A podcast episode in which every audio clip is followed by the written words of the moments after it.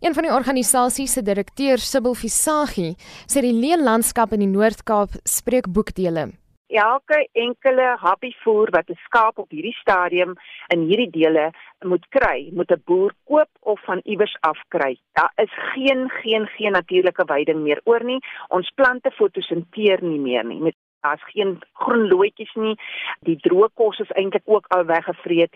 Ons veld en ons natuurlike veiding is in 'n haaglike situasie. Ons kan in elk geval op hierdie stadium geensins meer 'n trop skaap in die veld injag en hulle vreet en wy hulle vol nie. Dit bestaan nie meer nie. Tog is droogtehulp in die provinsie steeds beperk. Visagie sê hulle is in samesprekings met die plaaslike en nasionale regerings as ook ander organisasies om boere by te staan. Gift of the Givers, ons syfers daar is van 2017 af in die land ek oor die 200 miljoen spandeer om droogte en droogteverwante probleme te verlig.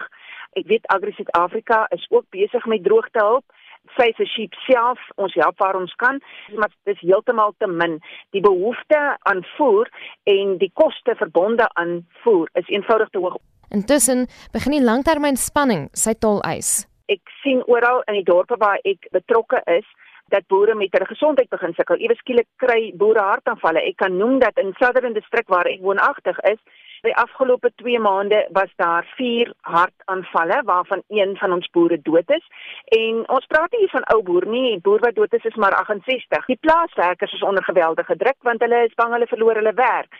Daar is nie werk in die dorpe nie. Hulle is bang hulle gaan sit sonder inkomste op 'n dorp. Sy sê dit gaan so sleg dat boere reeds hulle mediese fondse gekanselleer het en beleggings losgemaak het om hulle kuddes te behou. Hy voer al sy reserves op en hy voer verder gaan maak hy skuld om sy skaaptroppe te behou en om sy skaaptrop in produksie te hou. En nou het die termyn van droogte so lank geraak dat die boere is finansiëel so uitgeput dat daar op hierdie stadium as ons nie ernstig en vinnig hulp inkry nie, dan gaan ons ons Karoo boere nie staande gehou kry nie. Hiermee saam met die prys van skaapvleis merkwaardig gedaal terwyl die koste om skaap aan die lewe te hou gestyg het. Visagie weet van 'n boer wat slegs R14 wins per skaap invorder. Koste aan verbonde daaraan is eenvoudig net te hoog.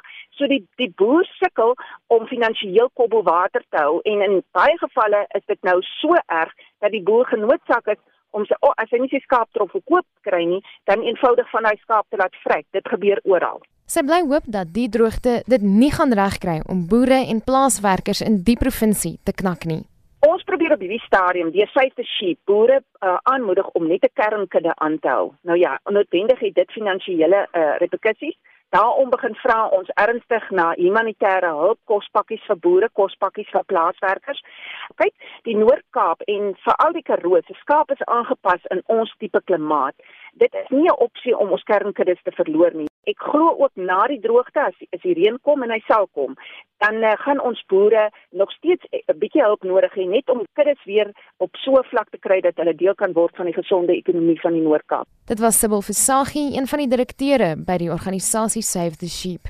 Ek's Marlene Forsiefer, SAK nuus.